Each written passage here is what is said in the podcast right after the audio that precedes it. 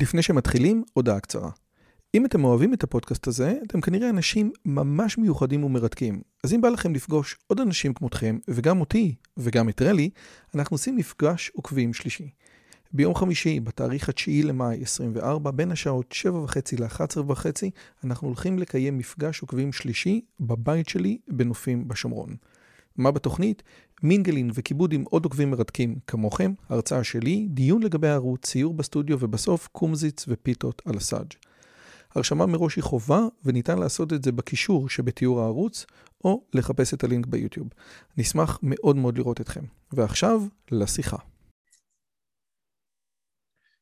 מדריך לחברה החרדית, אמונות וזרמים, פרופסור בני בראון. למה כל כך מעניינת אותנו החברה החרדית, לא רק בגלל הקורונה? מה החברה החרדית מציבה לנו, החברה הישראלית הכללית? האם היא תרבות שכנגד, או האם למעשה העגלה ריקה, כמו שאמר החזון איש? על כל זאת ועוד בשיחה של היום. שלום לכולם וברוכים הבאים לערוץ שלי, ערוץ שמדבר על השכלה, אינטליגנציה וגם איך לגרום לכם להבין יותר טוב את החברה החרדית בשיחת הסלון הבאה שלכם. אני חייב להגיד שראיתי שיוטיוב מסנן תכנים שלנו, אז אם אתם רוצים לדעת מה אני עושה, תלחצו על הפעמון, כנסו לערוץ הטלגרם, חפשו רועי יוזביץ', חפשו את השיחות. כמובן שיש לנו את הספרים, או, לא, זה לא קשור לזה, סורי. כמובן שיש לנו את הספרים האלו, הצלחה בלימודים, אינטליגנציה, דברים מגניבים, כדאי לכם להיכנס לחנות.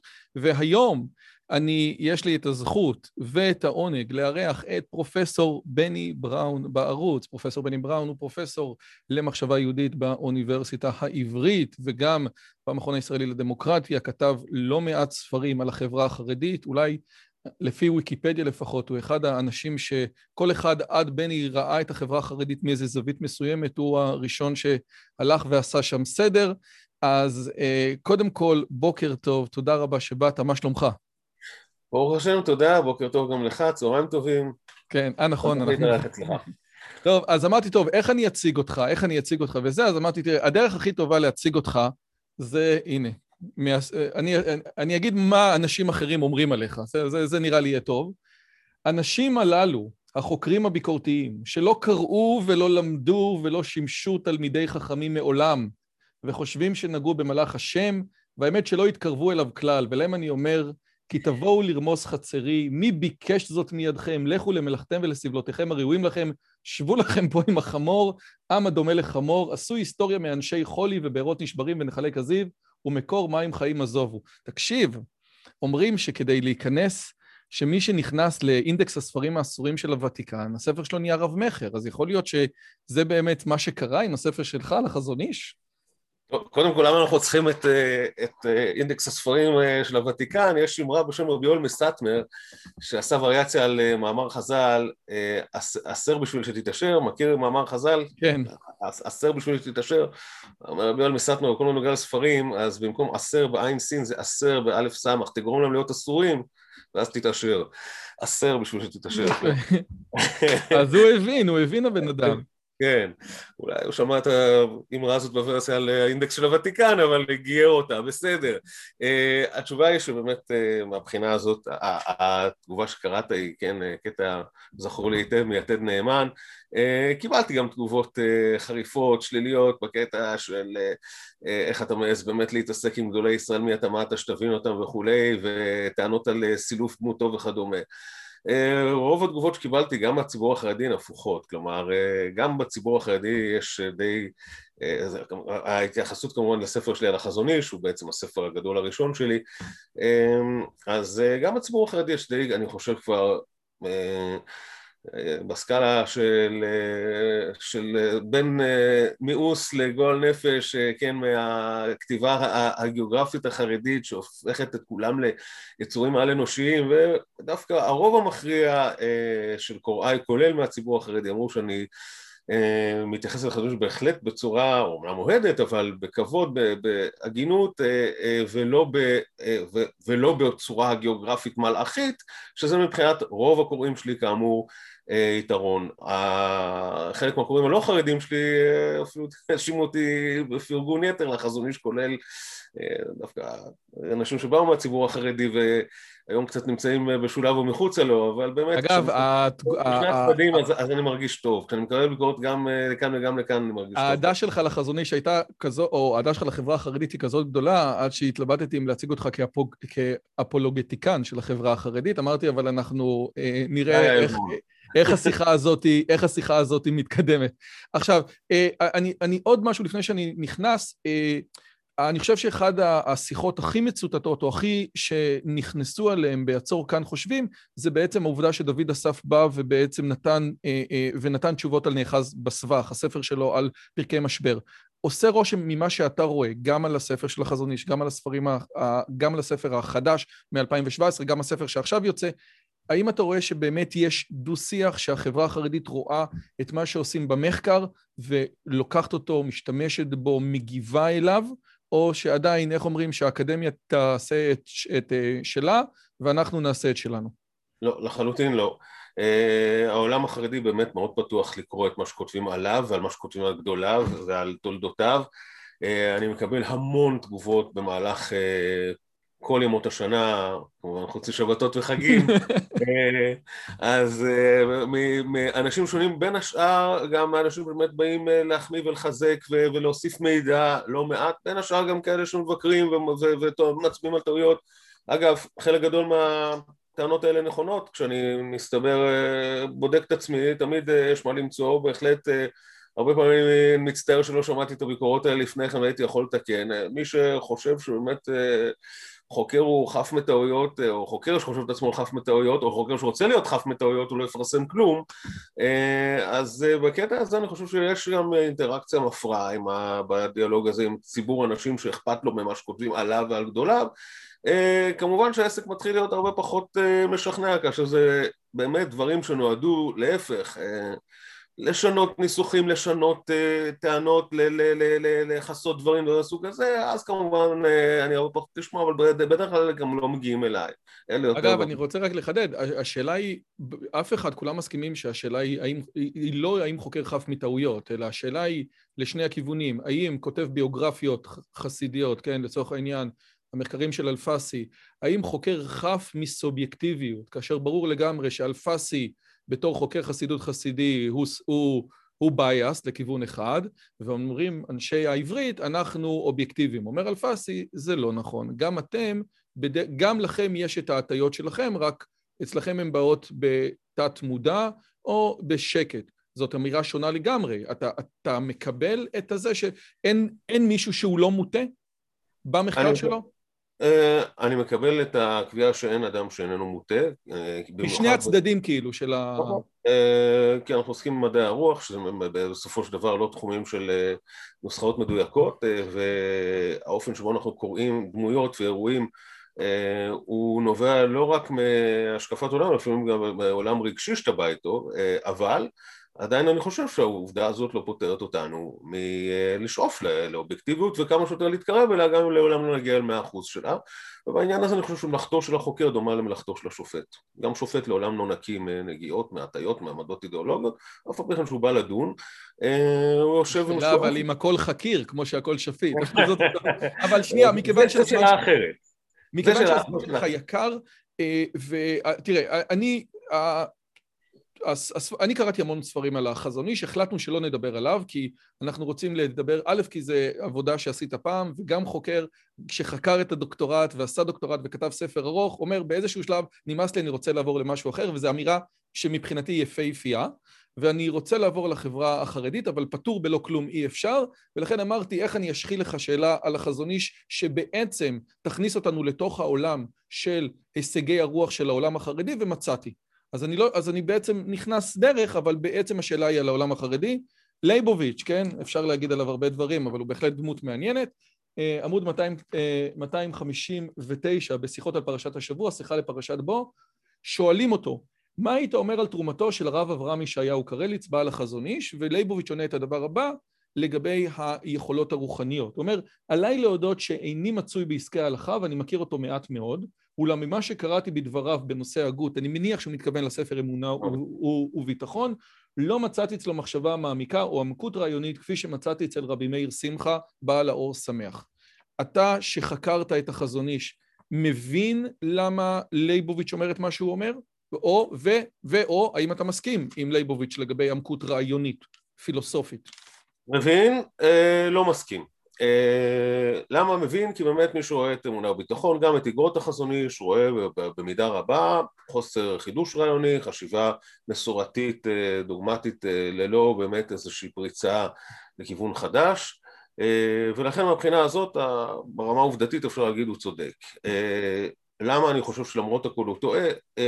כי בסופו של דבר אני חושב שגם בשיחה המקדימה שלנו אני חושב שאמרתי לך את הדבר הזה, העולם החרדי הוא לא עולם שנושא על דגלו דווקא את החידוש, ודאי וודאי לא החזון איש עצמו, בהלכה הוא מחדש הרבה מאוד, אבל לא את החידוש הרעיוני, לא חידוש אידיאולוגי, לא חידוש תיאולוגי, להפך, מהבחינה הזאת הוא גאה בהיותו משמר. אז זו חברה שבאמת, בניגוד לחברה מודרנית שמבוססת על עיקרון הקדמה, ואומרת קדמה זה ככל שאנחנו מתקדמים בזמן אנחנו אמורים להתקדם באיכות האינטלקטואלית ומוסרית שלנו, חברה מסורתנית היא חברה שאומרת האמת הגדולה ניתנה בעבר ולכן ככל שאנחנו מתקדמים על ציר הזמן אנחנו מתרחקים מהשיפור ומעליית האיכות ולכן מבחינתנו הטוב ביותר שאנחנו יכולים לעשות זה לשמר את מה שיש לשמר אמנם לפעמים בקנקן אה, אה, חדש, אבל, אה, אבל בסופו של דבר לשמר את מה שיש, ולכן הרבה פעמים הדברים נראים כחסרי חידוש. אלא מה, עבור מי שרוצה לחקור חברה מהסוג הזה, אז הקנקן הרבה פעמים מעניין, נתחיל בזה. כלומר, למשל, אם יש לחזון איש באמונה וביטחון שלושה פרקים של פולמוס מול תנועת המוסר, אז בתור דווקא הוויכוח הפנימי בתוך חברה אורתודוקסית, שלושה מתוך שישה פרקים הם פולמוס נגד תנועת המוסר, שתיהן תנועות אורתודוקסיות, שניהן שני סדרי עדיפויות שונים, אתה יודע לנתח את זה בצורה הזאת? אותי אישית זה מאוד מעניין. Uh, פרק שלם יש שם על ירידת הדורות, כמעט פרק שלם באמונה וביטחון, שזה בדיוק הדבר שאמרתי לך כרגע, בניגוד לרעיון הקדמה, הרעיון המסורתני הוא הרעיון של ירידת הדורות. אה, לכאורה באמת, אוקיי, כבר חז"ל דיברו על אה, ירידת הדורות, וכן, אה, ענן כהצבעת בקירה לסברה וכולי וכולי, וחמורו, כן, לא כחמור של פנחס פנר, אלא כסתם חמורים, וכל הדברים האלה, אבל אף על פי כן, כשחברה מעלה את המושג הזה, את הדוקטרינה הזאת של ירידת הדורות על נס, והופכת אותה למשהו הרבה יותר עיקרי ומרכזי, אתה רוצה לראות איך מנמקים אותה, אתה רוצה לראות איך משכנעים את הקורא בצדקתה, אז כשהחזון איש עושה את זה, עושה את זה מעניין.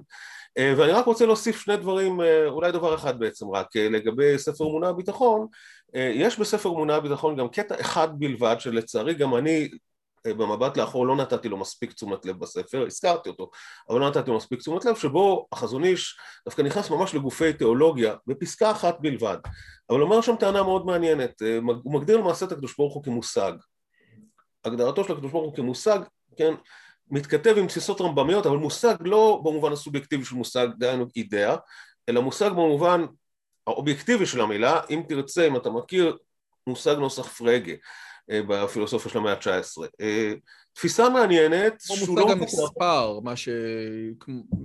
מה, הוא משווה את זה לשתיים ועוד שתיים וארבע, כן? כן. זה, זה, זה קטע שצונזר מאמונה וביטחון, ורק פורסם במהדורות אה, מאוחרות יותר. אה, לכאורה, כן, אה, לכאורה באמת אה, טענה כזאת יכולה להיות מעניינת גם מבחינה תיאולוגית, אני מסכים אבל שאין הרבה כאלה בספריו של חזון איש. אוקיי, אז, אני, אז קודם כל אני רוצה להסביר לחלק מהקהל החילוני שאיתנו על הנושא הזה של ירידת הדורות, ומזה אני באמת אמשיך לנקודה אחרת. אז בעצם ירידת הדורות אומרת כקוריוז, כן, למה החברה החרדית מכבדת את ההורים והחברה החילונית לא? זו טענה חרדית, כן? שבחברה החרדית, ככל שבן אדם יותר מבוגר, הוא יותר קרוב לאדם הראשון או למשה רבנו, כן? ובחברה החילונית, ככל שאדם יותר מבוגר, הוא יותר קרוב לקוף, כן? ולכן יש לנו פחות נטייה לכבד. הרעיון הזה שהדבר, שבעצם אנחנו מסתכלים על העבר, הוא רעיון שהוא קצת מוזר, כי בסופו של דבר אתה לא יכול לעשות הלכה על גבי, על גבי מה שעשו פעם, כי פעם לא, לא ידעו דברים שהיום אנחנו יודעים. חלק מה, מה, מהתשובות לגבי זה שאנחנו ננסים על גבי ענקים, אוקיי? אגב, מי שפותח גוג, גוגל סקולר, שיראה שהסיסמה של גוגל סקולר זה לעמוד על כתפי ענקים. אז אמנם באמת הדמויות הגדולות של העבר הם ענקים, ואנחנו ננסים, אבל ננס העומד על גב הענק רואה למרחק טיפה יותר ממה שהענק רואה. זה הדבר שבעצם מגדיר את ההלכתא כבתרי, ההלכה נפסקת לפי האחרונים, כאשר אנחנו עדיין מקבלים את כל התיאולוגיה של ירידת הדורות, שאין לנו איפה אנחנו לעומת הקדמונים. אתה מקבל את ההסבר הזה? כן, אה, אבל תתפלא לשמוע שהחזון איש באותו פרק ה' של אמונה וביטחון, שבו הוא מנמק ומצדיק את דוקטרינת ירידת הדורות, גם, גם פונה אל, אל רעיון הננס על גבי ענק להצדקת עמדתו דווקא. אז אתה שואל איך זה קורה. אה, פה באמת אנחנו נכנסים למה שבבלשנות נקרא אה, פרגמטיקה של השפה. כלומר, על מה אתה שם את הדגש? אתה יכול לטעון שתי טענות א' וב' וחברך יטען, שתי טענות א' וב' אבל כשאתה תדגיש את האלף והשני ידגיש את הבית זה יראה אחרת וחלק מהאמצעים להבחין בזה אה, אה, הוא בעזרת המילה אבל. אם אתה תגיד א' אבל ב' זה שונה לגמרי אם תגיד ב' אבל א' תמיד מה שאחרי האבל הוא אה, היותר חשוב. כן, אז באמת אלה שניסו להפוך את רעיון ירידת הדורות, סליחה, רעיון הננס על גבי ענק כסוג של טרום מודרניזם בתוך החשיבה ימי ביניימית כמשהו שכן נותן יתרון לאחרונים, יגידו, אמנם הננס קטן יותר, אבל הוא רוכב על גבי הענק. החזון איש אומר, אמנם הננס רוכב על גבי הענק, אבל הוא קטן יותר. ולכן בסופו של דבר אני משאיר לך בפה את הטעם של הוא קטן יותר, ואנחנו קטנים. למרות, למרות, מקבל, למרות שבהלכה אנחנו נפסוק לפיו, התיאולוגיה היא-היא שאנחנו קטנים יותר ואין לנו מה לעשות. אני גם רוצה לחדד ששאלו האם לעשות יום עיון יום צום לשואה, אז הוא אמר, הדור, הדור הזה כל כך עני שהשתיקה יפה לו שלא יחדש שום דבר, כן? זאת אומרת, זה, זה חלק מהציפור. אוקיי, עכשיו, מפה אנחנו עוברים לרעיונות הרוחניים, באמת למה שאנחנו הגענו. עושה רושם, ולא אני אומר את זה, כן? אלא מנחם פרידמן, ש, ש, ש, ש, שכולנו אוהבים ומעריכים, שבעצם, ש, ש, שהוויכוח בין, הח, בין החרדים לבין החברה הישראלית היה בעצם בין העולם הזה והעולם הבא, כן? לנו היה את העולם הזה, החרדים בזו לעולם הזה, ובעצם אמרו, אצלנו יש את העולם הבא, אנחנו מתעסקים בעולם הבא, עד שפרידמן אומר שיש להם את הכלכלה של העולם הבא, כן? יש להם שם, יש לזה אה, אה, תשומות והיצע וביקוש, ו, וכולם עושים מסחר לגבי העולם הבא שלהם. כמה מצוות אני אוסף, כמה חשבון הבנק שלי יהיה גדול לגבי העולם הבא. אז אומר, אוקיי, לגבי העולם הזה אי אפשר לבוא ובאמת לבוא, כי החרדים בעצם, או התפיסה החרדית בעצם ביטלה אותו. אבל השאלה היא לגבי העולם הבא. מה הם הישגי הרוח של העולם החרדי? אתה בעצם לפני רגע אומר, טוב, זאת חברה שמשמרת, אבל, אבל, אבל, אבל, אבל זאת, יש פה לומדי תורה בכמות שלא הייתה בהיסטוריה האנושית, כן? מאז חזקיהו. ואתה שואל את עצמך, האם דברים, כן? האם, האם עולם הרוח האם עולם הרוח היהודי יוצא באיזשהו מקום מתוך החברה החרדית? האם החברה החרדית מביאה בשורה?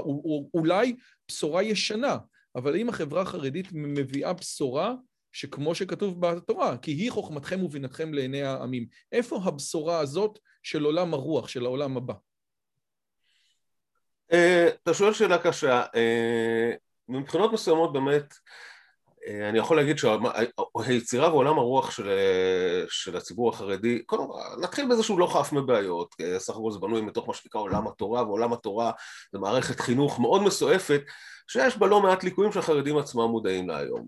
אה, אז, אז זה לא שבאמת אני הולך להגיד שהכל אה, מושלם שם. הטענה השנייה שלך שהיא חוכמתכם ובינתכם לעיני הימים, שצריכה להיות ביצירה החרדית איזושהי אמירה שתעניין את אומות העולם או תעניין גם את מי שאיננו חרדי. אני מסופק בזה ואני חושב שבקטע הזה החרדים, החרדים באמת ויתרו על המאמץ. אה, מי שאף אחד לא באמת אה, יכול לראות את אה, אפילו הוגים גדולים של העולם החרדי, חוץ מבאמת יחידים בודדים, אולי אני אזכיר אותם תכף, כמישהו שאדם הערבי לא, שבכלל מנותק מהקונטקסט יכול למצוא בהם עניין. אה, לדעתי בודדים מקרבם כן יכולים, אני אולי אחר כך אם תרצה אני אזכיר אישים מאוד מנוגדים כמו מצד אחד אה, הרב וולבה או הסבא מנוברדוק מצד אחר שונה לגמרי דוקטור יצחק ברויר, תזכור את השמות האלה להמשך הדיון. הרב שקופ? הם כולם, מה? הרב שקופ? לא, ממש לא, הוא שיח למדני לחלוטין שלא נכנס לחשיבה תלמודית, גוי שלא נכנס לחשיבה תלמודית, מה לא רב שמעון, מה, בכלל לא, לא, לא יכול להיכנס לטקסט, אבל אבל בעיקרון אני חושב ש, שנכון, החברה החרדית ויתרה על הדיאלוג עם העולם הכללי. האם זה הופך אותה לחברה אה, שעולם הרוח שלה דל? אה, אם תרצה, אתה מציג כאן דוקטרינה של עגלה ריקה חרדית אה, מבחינות מסוימות? אני חושב שלא. ואני רוצה להגיד שני דברים בהקשר הזה. א', שנוצרים דברים. אה, נוצרים דברים לא בגדול, לא בענק, אין מהפכות למדניות, אין מהפכות תיאולוגיות, כי העולם החרדי כאמור הוא עולם שמרני שרואה את עיקר אה, תפקידו בלשמר, וכאילו תשאל כל אה, דובר חרדי, אינסיידר, הוא יגיד, הלוואי ולשמר נצליח, ליצור אתה דורש מאיתנו, ודאי קטונו אה, וכל מיני דברים מהשיח הזה, ואף על פי כן נוצרים יצירות חדשות, נוצרות יצירות חדשות של אנשים שלא בתוך העניינים לא לגמרי אה, מדברים איתם ולא כל כך יודעים להעריך אותם, אה, למשל בדרך הלמדנות של יוסי שרייבר פה לא רחוק ממני, הרבה אומרים שיש דרך חדשה בלימוד, שזה לא באמת אולי סגנון מהפכני, נוסח רב שמעון או, או רב חיים מבריסק, אבל, אבל באמת יש כאן דרך חדשה בלימוד, ויש, נוצרים דברים.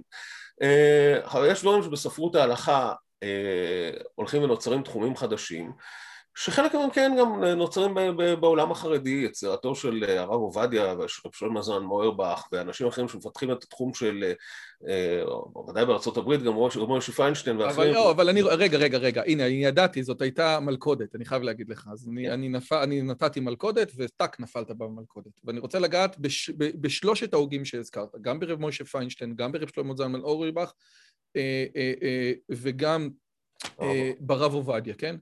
בסופו של דבר, בסופו של דבר, שלושת ההוגים האלה, וגם כשעבדנו והכנו אה, אה, את השיחה, אז אמרנו רק שנייה, מה לגבי האנשים האלה? אז רב משה פיינשטיין לא היה באמת שייך לחברה החרדית בארץ ישראל, כן? זאת אומרת, הוא לא עבר כאילו את, ה, את המהפך של הרב שך לגבי החברה החרדית של הבוז ל... ל, ל, ל בוא נתמקד בחרדיות הישראלית, עזוב, באמת אתה צודק. כן, רק אוקיי. שנייה, וזה. הרב שלמה זלמן, ו, ולכן באמת רב משה פיינשטיין, הספר שלו, אגרות משה, הוא באמת ספר פנומנלי שכנראה יחזיק לאורך ימים ושנים, וכשאני דיברתי עם שיה, שעורך איתי את התוכנית, אמרתי לו, איזה ספר מבחינתך הוא ספר חשוב, או מה הספר החשוב האחרון שנכתב? אמר אגרות משה. ושים לב שהוא אמנם היה חרדי בלייקווד, כאילו, הוא לא הרב סולובייצ'יק שבכלל לא היה חרדי, כן, היה מורטון, modern orthodox, אבל הוא חרדי, ובאמת הספר האחרון. רבי שלמה זלמן אורבך היה ציוני, אהב מאוד מדעים, כן, מי שמסתכל על התורה המשמחת, על הכתיבות שלו על מאורי האש, על ההתעסקות שלו במדע והלכה, שונה מאוד מהתפיסה החרדית הישראלית, בטח אחרי הרב שך, והרב עובדיה הוא גם, יש לו אלמנטים ציוניים, ואת ההשכלה שלו הוא לא קיבל בחברה החרדית כפי שאנחנו מכירים אותה היום, הוא קיבל אותה במקומות אחרים, אצל חכמי ספרד, ואתה בעצמך מכיר עד כמה החכמי ספרד, החכמי המזרח, יש להם אג'נדה שהיא שונה. אז כל האנשים שאתה הזכרת, בעצם לכאורה, לכאורה יותר מכל דבר אחר, מוכיחים שיש בציבוריות החרדית הישראלית, בוודאי אחרי המהפכה של הרב שך, איזושהי סטגנציה מהותית שלא ניתן אפילו להתגבר עליה. לא, אז בדיוק להפך, אני חושב שמבחינה הזאת, כדי באמת להצדיק את הטענה שלך, אתה מצמצם את הגדרת החרדיות. האנשים האלה לפי כל הגדרה הם חרדים, כן, הגדרה השקפתית, הגדרה חברתית, הם, הם אנשים חרדים, אני מסכים שבאמת בתקופה שאחרי יש ירידה בעניין הזה, אבל שוב, לא אלמן ישראל, יש עוד אנשים שממשיכים להתעניין במדע, שממשיכים להתעניין ב... גם בתוך, כאילו, בתוך האליטה התורנית, יש אנשים שאולי לא כמו באמת שני האישים שהזכרנו כאן, אבל אבל, אבל בסופו של דבר אני גם רוצה לטעון את הטענה השנייה. אה, גם אם אני מסכים איתך אה, לעניין זה שבאמת אין יצירה גדולה חרדית, אין דמויות הוד חרדיות, נגיד באמת שלצורך העניין הדור הזה עוד לא הצליח להעמיד כאלה. אני לא בטוח אפילו בזה, חיים קניבסקי שבאמת אה, כל הזמן אנחנו רואים אותו בהקשרים מאוד מסוימים, יצירה תורנית שלו מרשימה מאוד, אבל גם אם אין שם חידוש, פריצת דרך, ודאי שאין. אה, אבל בסך הכל אני רוצה להגיד לך, בסופו של דבר ההיסטוריה כולה נחלקת לתקופות של פירוט, אה, אה, ריבוי בתוך הקיים ותקופות של פריצת דרך והתקופות של, בסופו של דבר גם של כינוס אה, אז אה, כרגע אנחנו באמת נמצאים, אני חושב, בעולם הגדול לא פחות מזה, בתקופות שאין דמויות מופת גדולות. אתה, אני אשאל אותך באמת, בפילוסופיה, יש דמות מופת בשבעים שנה האחרונות שאתה יכול להגיד... פיטרסון. אני חושב, שאני כן. חושב, אני חושב שהנקודה של פיטרסון היא נקודה מעניינת, הרב שגר, אוקיי, כן? אני, אני חושב שג'ורדון פיטרסון, שהוא אה, מביא... רגע, רגע, שנייה, שג'ורדון פיטרסון מדבר על רוחניות, כן? אני אגב, כשאני דיברתי עם מייקל שרמר, שהוא אחד האתאיסטים הגדולים של ארה"ב, אמרתי לו, תקשיב, אתם במשך שנים הבאתם את זה למצב שמי שמדבר על דת ועל רוחניות הוא בן אדם מוזר, ואתה מכיר אותו מהשיח האינטלקטואלי, ופיטרסון הביא לכם את זה בדלת האחורית וזה בדיוק השאלה, איפה הפיטרסון היהודי, איפה הפיטרסון החרדי? אני לא חושב שפיטרסון, פיטרסון, מי שמכיר את באמת, אני מודה שלא קראתי אותו, אבל שמעתי לא מעט הרצאות שלו, אה, הוא, הוא פובליציסט הוא פולמוסן טוב, הוא לא פילוסוף, הוא לא יורד לשורשי הדברים, זה לא משהו שעוסק באמת ביסודות המציאות, שזה התפקיד של פילוסוף. אתה יודע מה, לצורך העניין אפילו באמת, כשתיקח את הסיפור של תיאוריה פוליטית, שם פיטרסון אולי באמת יותר מדבר. מה, כן, אתה, אתה, אתה רואה את הוויכוחים בתחום התיאוריה הפוליטית בעולם אה, האקדמי של היום בין כאילו שם, בין שמרנים לליברלים, כן, שנחשב למלחמת עולם אה, אה, על, על באמת שני קצות קשת. כולם בעד עקרונות החירות, השוויון, כולם דמוקרטים, כולם, הפרשנות היא איזה דמוקרטיה, באיזה וריאנט היא כאילו יותר נכונה זה, תראה, כאלה ויכוחים בעולם החרדי יש מלא, כשכולם צוחקים עליהם, זה ויכוחים על ראש סיכה. מבחינתי גם זה אין ויכוחים על ראש סיכה, כי באמת אין פריצה, אתה רואה את הפילוסופיה של המאה, הפילוסופיה הפוליטית של המאה ה-19, קצוות אמיתיים, יש אה, אה, אה, מלוכנים מול ליברלים, מול פרוטו-סוציאליסטים, מול סוצ... אחר כך מרקסיסטים, מהפכות חובקות בין, בין, בין תיאוריות באמת פורצות ומטלטלות, הם היו מתווכחים על איזה וריאנט של דמוקרטיה, אוקיי? אז, אז בקטע הזה באמת אנחנו נמצאים באופן. לא, ב... זאת אמירה מעניינת, אני רוצה רגע לחדד את מה שאתה אומר. בסופו של דבר, אם אתה מסתכל, אה, אה, אה, בעצם התפיסה, הערוץ הזה יש לו נטייה שמרנית, ואני חושב שאתה אומר פה משהו שהוא מאוד מעניין וצריך להתייחס אליו. אנחנו בדרך כלל, בתוך הנטייה השמרנית, אומרים, יש פה ויכוח מהותי לגבי טבע האדם, אם האדם יסודו ברע או יסודו בטוב, והוויכוח הזה מחזיר אותנו גם ל... אדמון ברג וכל האנשים האלה, כן, ולהובס וללוק ולכל העניינים האלה. בסופו של דבר, אם אתה מסתכל על הפרקטיקות, אם אתה מסתכל על מצע המפלגות של המפלגה הדמוקרטית והרפובליקנית, בהרבה מאוד דברים הם מסכימים, זה באמת, אין, אין שמאל אמיתי בישראל, אולי ניקח את זה ככה, כמפלגה קומוניסטית, וגם אין ימין ליברטריאני מטורף בישראל כעמדה פוליטית, כן? לא, אני גם חושב שגם דבר... מה שנקרא שמאל וימין או ליברטריאני מול אה, אה, פרוגרסיבים בארצות הברית, גם זה ויכוח על ראש סיכה, זו סיכה קצת יותר גדולה, אה, אבל שוב, זה עדיין בתוך האג'נדה של תפיסת עולם ליברלית דמוקרטית במובני המאה ה-19, דמוקרטים ודאי, כן? אין כאן, אין, אין באמת, אה, כן, אה, אני לא, לא, לא, לא שזה, אני טוען שזה, שזה, שזה טוב או רע, אבל אני אומר, אין כאן איזה פריצה מחשבתית כמו שהיה המרקסיזם בשעתו, או, או ניטשה בשעתו, או הפשיזם אפילו בשעתו, שהיום בכלל באמת אה, הס מלהזכיר, אה, ששם באמת זה ויכוחים בין קצווי תבל, ואתה יודע מה, מבחינתי אפילו אה, הוויכוח בין המרקסיזם לפשיזם הוא ויכוח עוד יותר צר מאשר בין שני אלה גם יחד, או לאומיות ומרקסיזם, בין שני אלה לעומת הוויכוח בינם לבין הקונטר רבולוציונרים של, של, של סוף המאה ה-18, תחילת המאה ה-19, שהיו בעד הסדר המלוכני הישן באמת, ועם כל הנימוקים הפוליטיים והתיאולוגיים לעניין הזה, זה מלחמת עולם, אתה מבין? אה, ולכן בעצם בסופו של דבר כל החידושים, אה, רז, דבורקין, כל הבאמת הדיוקים האלה בתוך המחשבה הפוליטית הליברלית או הדמוקרטית, לא, בסדר, מבחינתי מחלוקת סאטמר בלס, הם חושבים שהם עומדים בשני קצווי תבל, אבל גם מי שעומד בצד אומר, הם מתווכחים על ראש סיכה. אני מבחינתי בקטע הזה עומד בצד בשני הדברים, אני לא חושב שיש פריצה, נגיד, בפילוסופיה הפוליטית אה, של העולם המערבי, ראויה לשמה, ודאי לא ב-70 שנה האחרונות, מאז מלחמת העולם השנייה. אה, כן, אז אנחנו... ולמרות זאת, אוקיי, אותך... פחות בתקופה של פריצה. אז עוד שאלה אחת לפני שאני עובר ל... אגב, אני, אני כן צופה שתהיה פריצה בעתיד הנראה גם בתחום הפילוסופיה הפוליטית, אני גם חושב שהעולם החרדי אה, הוא נמצא באיזשהו שלב מעבר ולא מן הנמנע ש, אה, שדווקא המשברים שלו, אם הוא יקלע באמת, אה, המשברים הם אלה שהרבה פעמים הגל אמר שהנשופה של מינרווה מקיץ עם רדת החשיכה אז הרבה פעמים הם אלה שהרבה פעמים מחייבים חשיבה מחדש, חשיבה מחדש חשיבה מחדש שכבר יש תגובת שרשרת לא רק לתחומים המיידיים שבהם צריכים להתמודד עם המשבר אלא גם לתחומים גבוהים יותר. טוב, אז השאלה האחרונה בנושא הזה בעצם הוא שולח את למה אני חייב, למה אני צריך להביא אותך בני שאתה ירחם השם, כן, גם חוקר וגם ציוני, שזה שני דברים גרועים, לדבר על החברה החרדית. למה אני לא יכול להביא אינטלקטואל חרדי? זה בין היתר חלק מהשאלות, זאת אומרת, איך... עכשיו, השיחה בינינו, אתה יודע, אני לא חרדי, אתה לא חרדי, אתה מסתכל על החברה הזאת מבחוץ. יש לזה את הפלוסים שלו של אובייקטיביות ברמה מסוימת, יש לזה את המינוסים שלהם. אני, למה לא הבאנו, איפה, איפה ראינו בציבור החרדי באמת אנשים שהם הם, אה, אה, אינטלקטואלים, כן?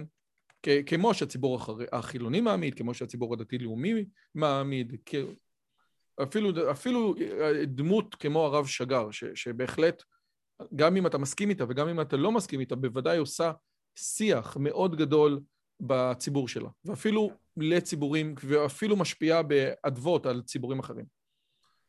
Uh, השאלה צריכה להיות מכוונת אליכם, באמת. Uh, לדעתי יש אנשים ממש אינטלקטואליים, חלקם באמת חריפים, חושבים, חלקם אפילו ביקורתיים ברמה כלשהי. תראה, uh, שיכול... לא מעט אנשים לא הסכימו לבוא ולהתראיין בשמם. ואתה צודק במאה אחוז, ואפשר גם לבוא את הזה, את ה... לשילוח יש איזה כתב עת חרדי חדש, אבל, זה, אבל, אבל פתאום אתה מביא בן אדם שהוא... הוא, הוא, עד שזה, שכאילו, אתה אומר, טוב, הוא לא באמת מייצג את החברה החרדית, ואנשים שכן מייצגים וכן ביקורתיים, או כן יש להם את האמירה שלהם, לא מסכימים, לא מעט אנשים אומרים, אוקיי, יש לי את הביקורת, הביקורת כלפי פנים, אני לא מוכן לבוא ולהיחשף ככה.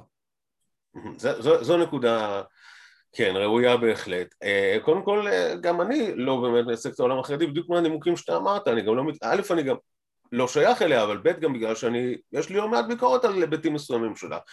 אפשר גם להגיע אליהם, אבל זה אולי פחות uh, מעניין. Uh, כי את הביקורת כולם יודעים פחות או יותר, אבל, uh, אבל הנקודה הראויה לציון במה שאמרת כאן היא שבאמת החברה החרדית עדיין מרגישה מגננה ולכן מבחינה מסוימת אנשים שישמעו ביקורת והרבה פעמים בקול רם והרבה פעמים באומץ בתוך השיח החרדי הפנימי לא מרגישים נוח להשמיע את זה בפורום שעומד לתצרוכת חוץ כי מבחינה הזאת הם אומרים אה, אני עושה את זה מתוך אהבה כי אני רוצה לתקן את החברה שלי כי אני יודע שיש כלכלות והכלכלות האלה פוגעות בה ואני רוצה לתקן אותה. אבל זה יכול לשמש כאבני בליסטרות ביד האויבים של החברה החרדית שלא רוצים לתקן אותה ורוצים במידה רבה לפגוע בה ולפעמים אפילו להשמיד אותה. לא פיזית כמובן. אז אה, הזאת אפשר להבין את הגישה שתיארת כתופעה אופיינית למדי לחברה מרגישה כל הזמן את עצמה בתחושת מגננה והחברה החרדית כל הזמן, החברה החרדית בנויה, האתוס שלה בנוי על תחושת מגננה אם היא לא תרגיש צורך להתגונן היא לא תהיה חברה חרדית, כן? אה, ולכן במידה רבה התופעה הזאת אה, יכולה להיות מובנת על רקע זה, אני אומר לך שוב, בעיקרון באמת ישנם הרבה מאוד אנשים מעניינים, חושבים אה, שמתוך העולם החרדי עצמו שבהחלט יכולו להציג טענות כאלה ודומות להם ואחרות מהם וטובות מהם לא פחות טוב ממני אוקיי, okay, אז בוא, א', אם יש פה מישהו כזה שהוא שומע ומוכן, אנחנו אה, נשמח מאוד. אחד הדברים שאתה אמרת באחד הראיונות שלך זה שהחברה החרדית בעיקר מפחדת מעצמה, כן? אה, זאת אומרת שהדבר שהכי החברה החרדית מפחדת ממנו זה מעצמה. זה היה פעם באחד הדיונים בכנסת, שמישהו שאל איזה חבר כנסת חרדי, אני כבר לא זוכר את שמו, מה יהיה כשאתם תהיו רוב? מה יהיה כשאתם תהיו רוב? כן. והוא בעצם אמר לו, אל תדאג, אנחנו לא נהיה רוב. ועל זה אמר הרב שרקי, שיש לו אה, אה, אה, אספירציות לאומיות מאוד חזקות, אמר, הם, אין להם עניין, גם אם הם יהיו רוב, הם לא ירצו לקח, להיות, להיות רוב, כי להיות רוב פירושו לקחת אחריות. להיות רוב פירושו לקחת אחריות, ולקחת אחריות זה אומר שעם כל הכבוד לזה שתהילים נגד טילים, עדיף בנוסף לתהילים להביא כיפת ברזל נגד טילים, כן? ואם לא יהיה, זה, זה, זה, זה גם... אחד הדברים שאתה שומע מאוד, נניח שאני שומע לפעמים רדיו קול חי, כן? שמדברים על החיסון של הקורונה, מדברים על זה, אז, אז, אז יש מאוד, יש גם גאוות יחידה ש, אה, ש, שכי מציון יצא החיצ, החיסון, או כי מציון יש פה הייטק, או כי מציון, אתה רואה שמדברים על ה start-up nation גם ברדיו קול חי, כאשר ברור לגמרי לכל מי שקרא את ה start-up nation ולכל מי שמכיר את, ה, את המספרים, ש start-up nation זה תל אביב, כן? אין start-up nation באמת, כן? אתה, אתה, אתה בעצם לוקח עליך איזה משהו שהוא באמת לא שייך לך. נכון. Uh, כי התפיסה החרדית היא בעניין הזה, שכן, אנחנו, החרדים, uh, אני אומר אנחנו לא בגלל שנשייך אליהם, אלא כאילו אני מצטט עכשיו, אנחנו שבט הלוי, זה הביטוי, שבט הלוי, שבהקשר הזה גם שך ציטט את זה, גם אחרים, זה באמת מיתוס מכונן של החברה החרדית, בהקשר הזה מצטטים את אה, הרמב"ם בסוף הלכות שמיטה ויובל, שאומר שלא רק שבט הלוי עצמו, אלא כל מי שסיר מעליו לחשבונות הרבים שמעסיקים את בני אדם והקדיש את כל כולו אה, ללימוד תורה, הרי זה נתקדש קודש קודשים וכולי. אבל מעבר לעניין הזה של התמסרות ללימוד תורה כדבר שמקדש אותך, ויש כאן מבחינה מסוימת תפיסה שאילו עם ישראל היה עם נורמלי מבחינת התפיסה החרדית, כלומר עם שכולם שומרים תורה ומצוות, ואלה שבאמת מתאימים ללימוד תורה הולכים ללימוד תורה ומקדישים את עצמם ללימוד תורה וכולי וכולי, אז יכולנו להרשות לכאורה איזה סוג של בחירה בעניין הזה, אבל מכיוון שעם ישראל עבר חילון, והחילון הזה מציב אותו במצב לא נורמלי מבחינה יהודית, בתפיסה החרדית, כי עם ישראל כל כולו תורה ומצוות, ועכשיו נמצא במצב מוזר שהוא מתנתק מתורה ומצוות, בעצם אנחנו נשארנו שבט הלוי, וכשאנחנו נשארנו שבט הלוי, אז אין לנו בחירה, אנחנו שבט הלוי, אנחנו צריכים להיות שם, ולא יכולים להרשות לעצמנו אה, להתפזר לצדדים, כי אין אף אחד אחר שיעשה את זה במקומנו. כלומר, מי שיעשה את ההייטק, לא ילך ללמוד תורה, מי שיעשה את, אה, את הכלכלה ואת הטנקים ואת הטילים נגד, את כיפת ברזל נגד טילים לא ילך ללמוד תורה, כן? מי שילך ללמוד תורה זה רק מי שצומח בתוכנו ואנחנו לא יכולים לוותר על זה, לכן בוודאי לא רק מיטב המוחות אלא כל הכוחות צריכים ללכת לכיוון הזה כל, כל זמן שהם נמצאים תחת חסותנו. כשעם ישראל יחזור בתשובה כן, תמיד הם אומרים, גם אפילו רב שך אמר את זה באיזו אמירה אגבית, כן, אה, אה, כולם צריכים ללמוד תורה, כשעם ישראל אה, כולו יחזור בתשובה, אז יכול להרשות לעצמנו שרק אלה שמתאימים ואלה שטובים ואלה שבאמת מצטיינים ילכו לשם.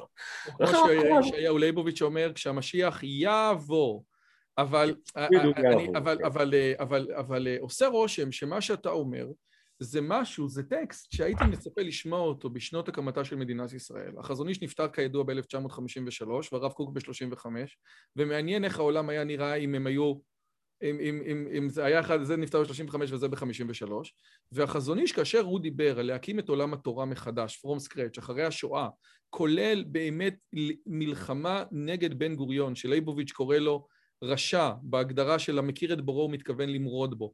אז יכול להיות שמה שעשה החזון איש בתקופה של קום המדינה, קצת קודם, קצת אחר כך, זה באמת מתאר את העולם שלך. עזוב, עולם התורה צריך עכשיו להחיות אותו מחדש, בוא נחיה את מה שקרה.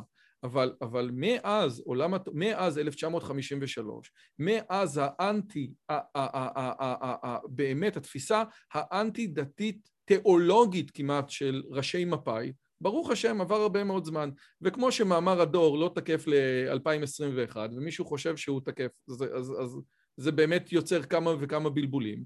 יכול להיות שהתפיסה הזאת, גם התפיסה הזאת, שבעצם מה שאתה הגדרת עכשיו, שהרב שך ממשיך אותה, ואפשר אפילו להגיד שהיא תפיסה של ערב מלחמת העולם השנייה, יכול להיות שהיא לא רלוונטית.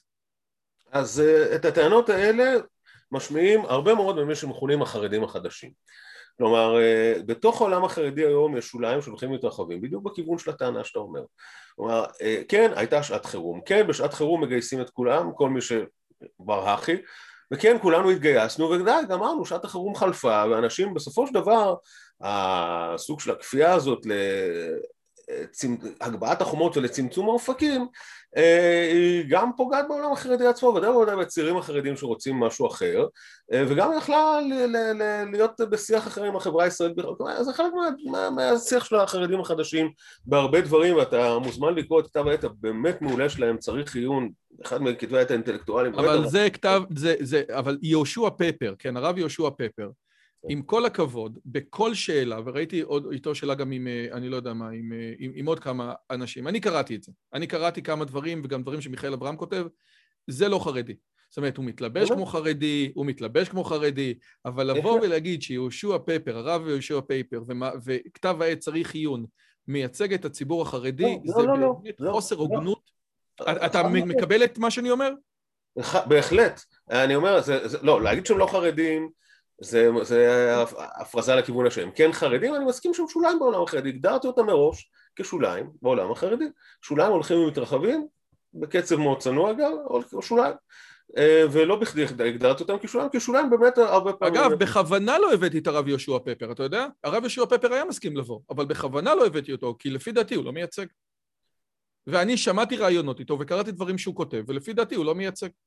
אני חושב שהוא מייצג הרבה יותר ממני, אבל בואו ניכנס, לא ניכנס לשמות אה, ספציפיים של אנשים. לא, הוא, הוא, הוא, הוא, באמת, הוא, הוא באמת בן אדם חושב, הוא באמת בן אדם ביקורתי, הוא באמת שמגיע מתוך רצון לשפר את החברה שהוא חי. חד משמעית, כל מה שאתה אומר, והוא באמת בן אדם אינטלקטואל, וכיף לקרוא אותו, ויש לו ראייה רחבה, ויש לו פר, פרספקטיבה היסטורית. הכל נכון, חס וחלילה, לא שאני אבל... אומר עליו זה. אבל אני חושב ש... אם אתה מסתכל עליו, כן, או על חברים חרדים אחרים שיש לי, בדיוק ראיינו אותי על עיתון, על עיתון משפחה, כן? זה לא אותו דבר, אתה אומר לו, נו, יהושע פפר, הוא צוחק עליך, נו. האם יהושע פפר נחשב... לא, הוא לא מייצג את המיינסטרים. לתת מאמר, האם יהושע פייפר יכול להכניס מאמר ליתד נאמן? באמת. לא. נכון. לא. אבל בהקשר הזה באמת, אז, אז אני אומר שוב, הטענות האלה עולות, וזה בדיוק אולי מחזיר אותנו לאמירה הקודמת שלך, שהחברה החרדית באמת צריכה להרגיש תמיד בבונקר, צריכה להרגיש תמיד במגננה. זה חלק מהסיפור, חלק מהאתוס שלה, ולכן באמת היא גם, לפחות אם היא תימשך בקצב הנוכחי להתפתח, שהוא לא קצב מואץ, הוא קצב מאוד איטי, אז כן, אין חשש שמחר בבוקר היא תהיה רוב, אבל יותר סביר שהחלק שלה יגדל בחברה החרדית באופן שתצטרך, היא, היא באמת תרגיש מיעוט, ומה שאתה אומר, באמת אנשים אני, יצא לי לשמוע לא פעם מאנשים חרדים כן מיינסטרימים אגב, שהחרדים יהיו רוב אני אברח מהארץ, שאוי ואבוי, רק שלא נהיה רוב צריך, לא יודע, כל מיני דברים מהסוג הזה. אה, זה באמת בקטע של אה, הרבה פחות העניין של חשש מלקיחת אחריות, זה גם חשש מלקיחת אחריות, אני מסכים איתך בעניין הזה, אבל זה יותר בעניין שזה הסיפור שבאמת העולם החרדי מספר לעצמו כדי תמיד להחזיק אה, את את, את האתוס שלו, להחזיק את החומות שלו. זה בדיוק העניין, זה כמו שלרחם השם, כמו שהעם הפלסטיני, הדבר היחידי, הרשות הפלסטינית, הדבר היחידי שבאמת מחזיק את כולם ביחד, כמו שהר סגור המנוח אמר, אם החתול והכלב עשו שלום, זה נגד הטבח, כן? באיזשהו מקום, כמו שהדבר המרכזי שמחזיק הרבה מאוד גם את הרשות הפלסטינית וגם את החמאס, שבוודאי עוינים אחד את השני מאוד, זה נגד ישראל, אז למעשה, וכשלא כנגד ישראל, יש להם פחות במשותף, ולכן הם חייבים כל הזמן לתחזק את האויב המשותף הזה.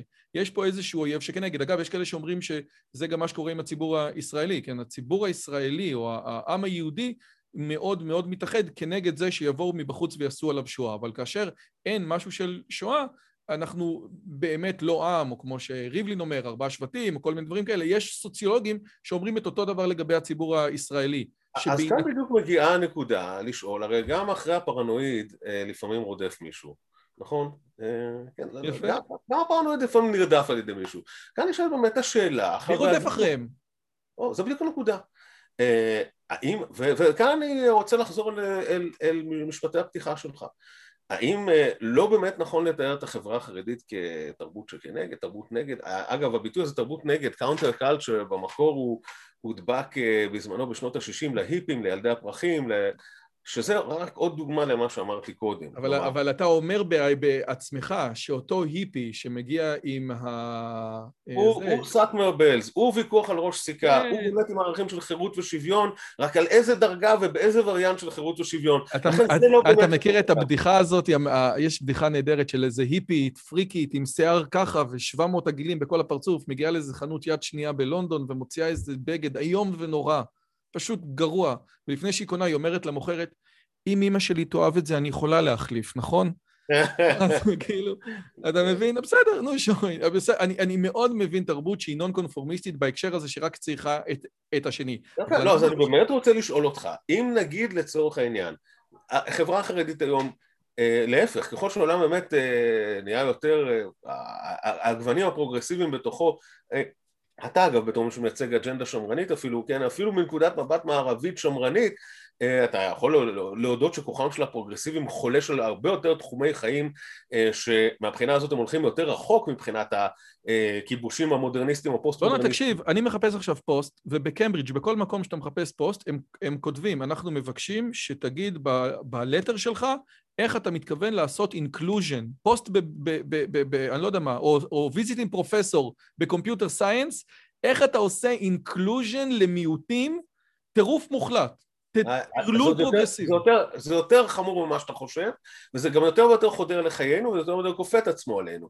אה, ובאמת מהבחינה הזאת החרדים מייצגים אתוס שונה לגמרי, ונשאלת השאלה באמת, אם הם היו מורידים את החומות, אה, תראה מה קורה לציונות הדתית, הציונות הדתית גם כן באה בדיוק מתוך אג'נדה דומה לשלך, אה, שאומרת כן אפשר לחיות חיי תורה ואפשר לפתח עולם תורה מתוך דיאלוג, מתוך פתיחות, מתוך כל השאר. העולם הדתי-לאומי סובל מדי עשור עשרות אחוזים של עזיבות, כי באמת מבחינה הזאת, מהבחינה הזאת הוא לא מצליח לחינוכית וגם לעולם לא יצליח כי באמת מהבחינה הזאת, עוד מעט אני אגיד משהו לעולם הדתי-ציוני בהקשר הזה, הוא לקח על עצמו משימה כמעט בלתי אפשרית, להיות בעצם שונה מהתרבות ההגמונית, לקחת חלקים ממנה ולהגיד אני מוכן שהנוער שלי ייחשף אליה אבל אני אהיה מספיק חכם להראות לו שאני מציע לו משהו יותר גדול. זה חלק מהביקורת שלך על המפעל של הרב קוק בכלל, לא?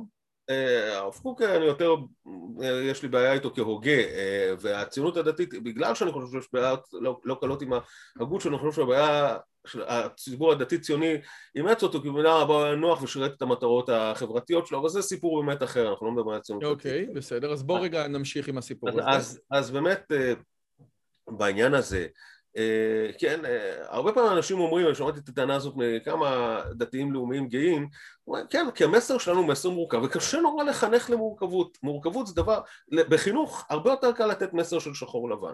אני יכול אפילו להגיד יותר מזה. אגב, אני חושב שזה נכון. אני גם, לא, אני אומר, אני הולך להגיד משהו יותר חזק מזה.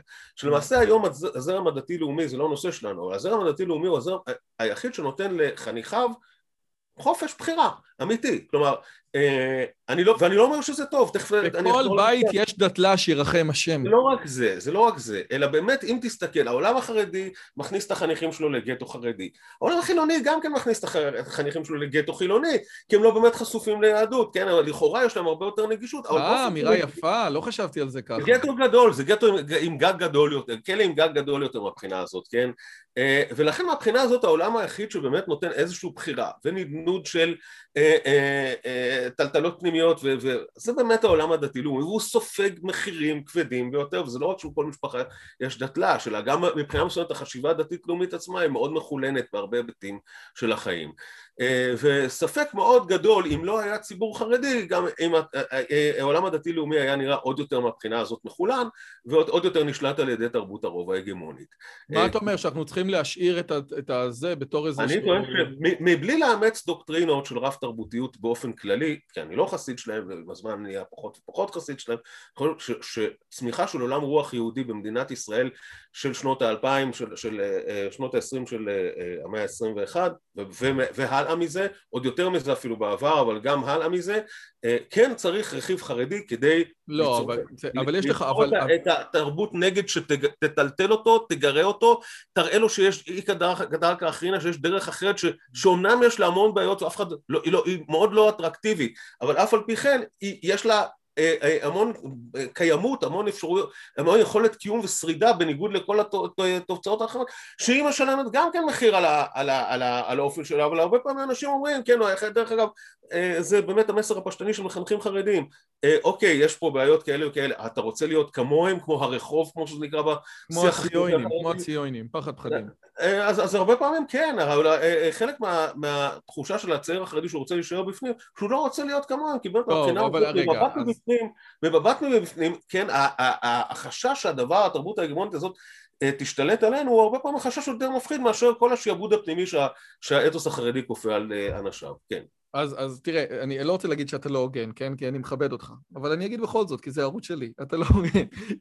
כאילו, מה שאתה מתאר זה שבעצם הציבור הדתי-לאומי צריך את הציבור החרדי באיזשהו מובן, כמו שבלובר יש לנו את המטר, את הקילו הזה, שאנחנו... לא שטענתי. אז, לא, אז, לא. אז בוא רגע תחדד לי את זה, מכיוון שעושה רושם שבאמת ההבדלים בין הציבור, זה, זה, זה לא שאחד אומר שצריך ללמוד תורה ואחד לא אומר שצריך ללמוד תורה. אחד, השאלה היא, א', מהי התורה, ודבר שני, אני חושב שמה שמבדיל בין הציבור החרד"לי לציבור הדתי החרדי זה באמת הנושא הזה של גדולי הדור והשקופה, כן?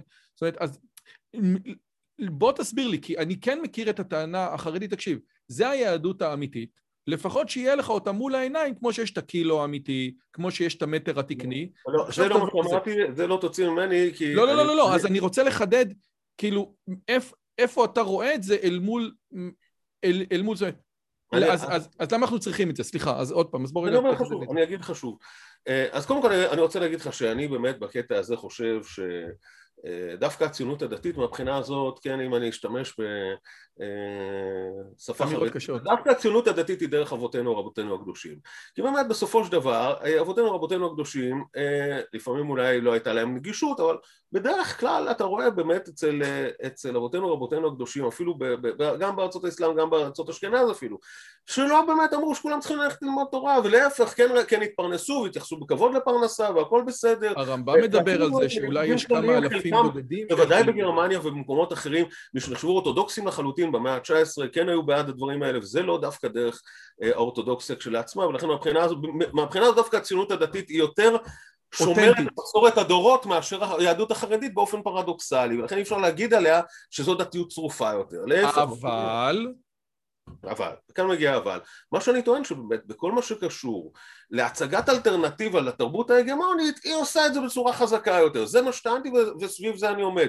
זה לאו דווקא אומר שזה הדרך היותר אותנטית או יותר יהודיות, יותר מסורת. הבנתי, אז עכשיו, אז עכשיו, אוקיי. האנטיתזה היא יותר חזקה, ולכן היא מחדדת הרבה יותר את הצורך במאבק. סליחה, יופי, עכשיו אני מקבל. פשוט, כדי להציג הצגת אלטרנטיבה לתרבות המודרנית, זה להסתכל, אוקיי, בוא נראה מה הם עושים ונעשה הפוך. ואז השאלה היא עכשיו, הם עושים סמארטפון, נעשה בלי סמארטפון. הם עושים פורנו באינטרנט, נעשה בלי פורנו באינטרנט. נראה את כל מה שיש להם בעצם העובדה שהם תרבות הגמונית וחזקה, שגם משתלטת מאוד חזק באמת על, על, על יותר ויותר פלחי, פלחי חיים כמו שאתה עצמך אמרת קודם. אה, בסופו של דבר, אנחנו צריכים לשים חומות גבוהות, זה לאו דווקא לעשות להפך. אנחנו צריכים לשים חומות גבוהות וזה באמת מהבחינה הזאת האתוס החרדי, לשמור על משהו שלנו, לפעמים באמת אולי קצת להקצין את משהו שלנו, אבל לא דווקא להגיד, הקטע של להגיד בדיוק להפך זה אולי קטע של אוקיי, כמה... אז אני שואל אותך שתי שאלות. הרדיקלים ההונגרים, אבל זה לא החרדי הממוצע, כן? אז אני רוצה לשאול אותך שתי שאלות על החומות הגבוהות האלה. אה, שאלה אחת, זה היה פה דן בן דוד, כן? ודן בן דוד ממכון שורש מדבר הרבה מאוד גם על הציבור הדתי, גם על הציבור הדתי-לאומי, גם על הציבור החרדי, גם על הציבור הערבי. הוא אומר שאחד הדברים, והיום גם לא מעט חרדים מכירים את זה, שהמיתוס הזה שבן אדם שלמד את התורה, כן? ובן אדם שלמד את הגמרא יכול ללמוד את הכל בשלושה חודשים, ככל שהזמן עובר, המיתוס הזה, אנשים בתוך החברה החרדית מבינים שהוא לא נכון. אני כבר חשבתי פעם איזה נזק לדורות עשתה אותו אגדה של החזון איש שהוא בא ושרטט למנתח מוח, איך לנתח את המוח, איזה נזק לדורות הדבר הזה עשה. ולכן היום, בין היתר, הסיבה שאנחנו רואים ש, שהציבור החרדי לא מצליח להיכנס ולהשתלב בתוך החברה או ובתוך הכלכלה, זה בגלל שהעבודות היום של המאה ה-21 נהיו הרבה יותר מורכבות, ואם אתה לא לומד בנקודות מסוימות, מתמטיקה, אנגלית, דברים כאלה, אף אחד הרי לא לומד את האבסטרקציה של רב שמעון שקופ, יש הבדל בין ללמוד סדרה חשבונית ופרבולה לבין ללמוד בבא מציע, בוודאי שאתה בן 16. והדבר הזה, מה? מובן מאליו, אין. רגע, והדבר הזה מייצר בעיות בלתי רגילות, והדבר השני... במה? הדבר הזה מייצר בעיות בלתי רגילות בהשתלבות הכלכלית של הציבור החרדי, מה שלדעת פרידמן, מה שלדעת פרידמן הוא נקודה שיכולה להגיע לאיזשהו אה, אה, נקודת אל חז... ש, שכבר אי אפשר יהיה לעשות משהו. אם הכלכלה, הוא אומר, ואפילו אתה מתאר אותו כמרקסיסט בהקשר הזה, שהאלמנטים הכלכליים הם חשובים מאוד. אם החברה החרדית לא תוכל לפרנס את עצמה, וככל שהזמן עובר והדוחות של שורש מצביעים על כך, אתה תגיע לנקודה של התפוצצות, כן? יכול להיות שאתה מסכים איתו, יכול להיות שלא, אבל זאת היא טענה שאני מקבל, עזוב את, ה, עזוב את התרבות, עזוב את הכל, יש פה עניין שלא ניתן להיכנס ל, ל, לדבר הכלכלי או למשחק הכלכלי. הדבר השני שאתה אמרת, שבאמת הציונות הדתית מפילה חללים גדולים, זה בגלל שהשכומות שם יותר נמוכות, וכש... ובקורונה דיברו בתוך החברה החרדית על זה שהעובדה שעכשיו הישיבות סגורות, כמה חללים זה מפיל. איך יכול להיות שזה מפיל חללים?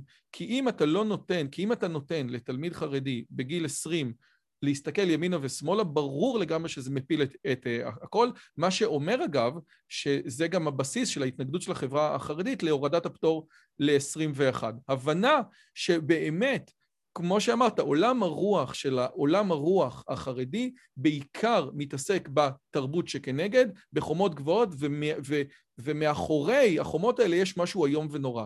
וכאשר אתה בעצם מפורר את זה, ואתה אומר, אוקיי, בוא נסתכל, האם לי יש משהו לתת אידיאולוגית, רוחנית, פילוסופית, שעומד לא בקטע של מול איום ונורא, גם בחברה החרדית יש בעיה אמיתית במרכולת הזאת. אני רוצה להתחיל מהסוף, אמרת כאן כמה דברים שצריך להגיב על כולם. נתחיל מהסוף. קודם כל אני חושב שכשתרבות נגד לוחמת על ערכיה נגד תרבות הגמונית, זה דבר בעל ערך. אחד הדברים שיש לי תלונה על העולם האקדמי של היום, ובכלל עולם הרוח המערבי של היום, זה שאנחנו חיים באמת בדיאטה אינטלקטואלית חמורה. אה, כן, כל, תראה למשל באמת תוכנית הלימודים של כל מחלקה לפילוסופיה, יש את הקאנון של השמות הגדולים וזה מצוין, כל, כל, כל אה, מערכת אקדמית, כל מערכת לימודית צריכה את הקאנון של השמות הגדולים, הכל בסדר, אבל כמעט באמת אין פתיחות, אתה אה, הזכרת את ברג שהוא הפך להיות איזה דגל של אה, השמרנים האנגלוסקסים בעיקר אבל יש עוד הרבה ברקים ויש עוד הרבה יותר רדיקליים מברק שאתה לא שמעת את השמות שלהם, כן?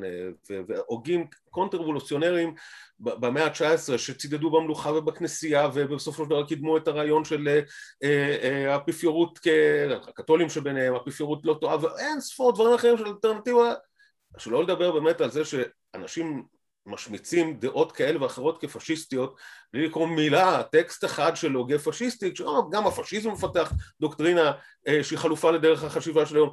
אנחנו כולנו חיים על דיאטות אינטלקטואליות די חמורות בעניין הזה ודווקא העובדה שיש אנטי מודרניזם מסוג אחר שונה לגמרי גם של הקונטרבולציונרים הצרפתיים וגם של, אה, אה, גם של הפשיזם בוודאי אבל סוג של חשיבה אנטי שמתמודדת עם ומנסה לשכנע אותך נגד, כן, גם נגד, בלי להציע איזושהי אלטרנטיבה חדשה ומפתה, יש לזה ערך תרבותי. זה דבר אחד שרציתי להגיד על הסיפה של דבריך. אחר, מעבר לדברים האלה, אתה מדבר על, על אה, אה, ציבור של אנשים שרוצים להשתלב, רוצים ללמוד, בסופו של דבר אני חושב ש... אה, וגם דיברת על ההיבט הכלכלי, אגב מנחם פרידמן עצמו הגדיר את עצמו כמרקסיסט, זה לא אני, מרקסיסט, הוא אמר חיוך הגדיר את זה. כן, לא, כאילו, לא, אז זה שהכלכלה משחקת תפקיד כלכלי בחברה. כן, נכון, כן, אז נתחיל בזה שלדעתי לא כצעקתה. אם אתה עושה, כן, החברה החרדית היא בערך 12% היום מהחברה הישראלית, פלוס מינוס, בגדול, אוקיי. נשים חרדיות כן מועסקות פחות או יותר כמו נשים רגילות בחברה הכללית, כבר ירד לשש. מתוך הגברים החרדיים אה, חצי, כבר עברנו בדיוק את החצי, כן מועסקים, אה, נשארנו רק עם אה, שלושה אחוז, שלושה אחוז, שלושה אחוז קודם כל זה לא דבר שממוטט כלכלות, אוקיי? ודבר נוסף, גם בשלושה אחוז האלה יש, יש לצערנו, ואני לא אומר את זה לשבחה של החברה החרדית, יש פרנסה שחורה, יש הרבה דברים שעושים בשחור, ולא לגמרי כוחות בלתי כלכליים, זה כל כוחות בלתי כלכליים שהמדינה נהנית מהם פחות, אבל הם עדיין כן עושים משהו. אז מהבחינה הזאת אני לא צופה, אה, אני בעניין הזה באמת מאוד מעריך מנחם פרידמן בכל דבר שהוא עשה בראש ובראשונה בשלל בגלל עצם החלוציות שלו במפעלו, אבל בעניין הזה אני חלקתי איתו וניהלתי איתו עשרות ויכוחים אה, בימי חייו חיותו. אה, ובכל מה שנוגע באמת להשתלבות של החרדים, אז אני חושב שבאמת אין אה, סכנה קיומית למדינת ישראל לכלכלה הישראלית, אבל אני כן מסכים איתך שבתוך החברה החרדית ישנם לא מעט אנשים שכן היו רוצים לצאת, שכן רוצים לפרוץ, שכן יכולים לתרום בדברים אחרים, שכן גם מבחינת הבריאות אה, של החברה החרדית, אבל גם מבחינת הבריאות של החברה הישראלית היה ראוי כן לאפשר להם השתלבות, ובזה אני חושב ש... של דבר הצרכים הפנימיים של החברה החרדית בליווי חכם מספיק של המדינה כן יכול לעזור לאנשים האלה. שוב, אני נגד מיסיון שיגרום לחרדים לרצות להשתלב יותר. חרדים שרוצים אה, ללמוד תורה או רוצים להישאר חרדים כמו שהם, לא יהיה משבר קיומי אם הם יהיו כאלה. אבל יש שוליים מספיק רחבים, דיברנו על השוליים, חלק מהשוליים הם שוליים שכן בחברה החרדית, שמספיק רחבים, מספיק מתרחבים, מספיק הולכים ומתרחבים, כדי שנוכל להתעסק איתם ולרצות לעזור להם. ולהם אפשר לעזור בלי ליצור מערך דורסני נוסח יאיר לפיד ואביגדור ליברמן שרוצים להראות הנה אנחנו נסתר לכם אז ניצור איזשהו סוג לחץ שאתם תתגייסו אתם תשתלבו לא זה. אלה שרוצים אה, אה, צריך באמת מה שנקרא להסיר חסמים. הגיל הוא דווקא גיל בהחלט טוב זה גיל שעדיין בדיוק בנוגע לשאלות שלך.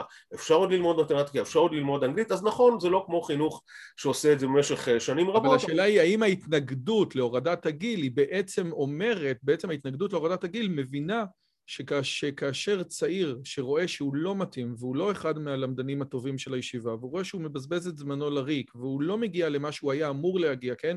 למרות שכל אחד יכול להיות החזון איש וכל אחד יכול להיות משה רבנו כאשר יגידו לו, אוקיי, תקשיב, אתה לא צריך צבא, אתה יכול להתחיל בגיל 21 ללמוד, אתה יכול לעשות את זה אפילו במימון מלא של המדינה, כן? מי שהיה חרדי יכול ללמוד עד הדוקטורט בחינם אה, אז, אז, אז בעצם פתאום תהיה לו אלטרנטיבה. זה לא כל כך פשוט כמו שאתה אומר, אבל לא משנה. אז אני אומר שוב, בעולם אידיאלי אולי לאנשים האלה באמת היו מסלולים יותר נוחים. העולם שלנו לא עולם אידיאלי והחברה החרדית, מרגע שאתה מבין את הצורך שלה להתגונן, אתה מבין את הקושי לה לאפשר לאנשים לעשות את הדברים האלה. המדינה מבחינתה, בלי להתחיל בכפייה חילונית דורסנית, כן, אביגדור ליברמן אומר חייבת אין לחיות עד שזה מגיע ללימודי ליבה וגיוס לצבא ששם הוא לא רוצה לתת לאנשים לחיות כמו שהם רוצים. אה, אז באמת מהבחינה הזאת האנשים שכן אפשר לשלוח אליהם יד בלי ליצור מנגנוני לחץ או מנגנוני ודאי לא מנגנוני לחץ אידיאולוגי על אחת כמה וכמה במקרים שבהם אפשר לדבר לשפה, אה, לחרדים בשפה של אילוץ ולא בשפה של הנה זה הדרך הנכונה יותר והטובה יותר אין לכם ברירה, אתם לא מצליחים להשתלב לא בעולם התורה, אין לכם פרנסה ראויה לשמה, אתם יכולים בעולם של, כן, בעולם החרדי יש אה, אה, הבחנה חדה בין לכתחילה לדיעבד. אותו מהלך עצמו, אה, איזה אותו מהלך עצמו? אתה עושה מהלך קטן, אבל אתה אומר שלכתחילה, אז אתה חרדי חדש וכבר חזר טרייף ואוי ואבוי.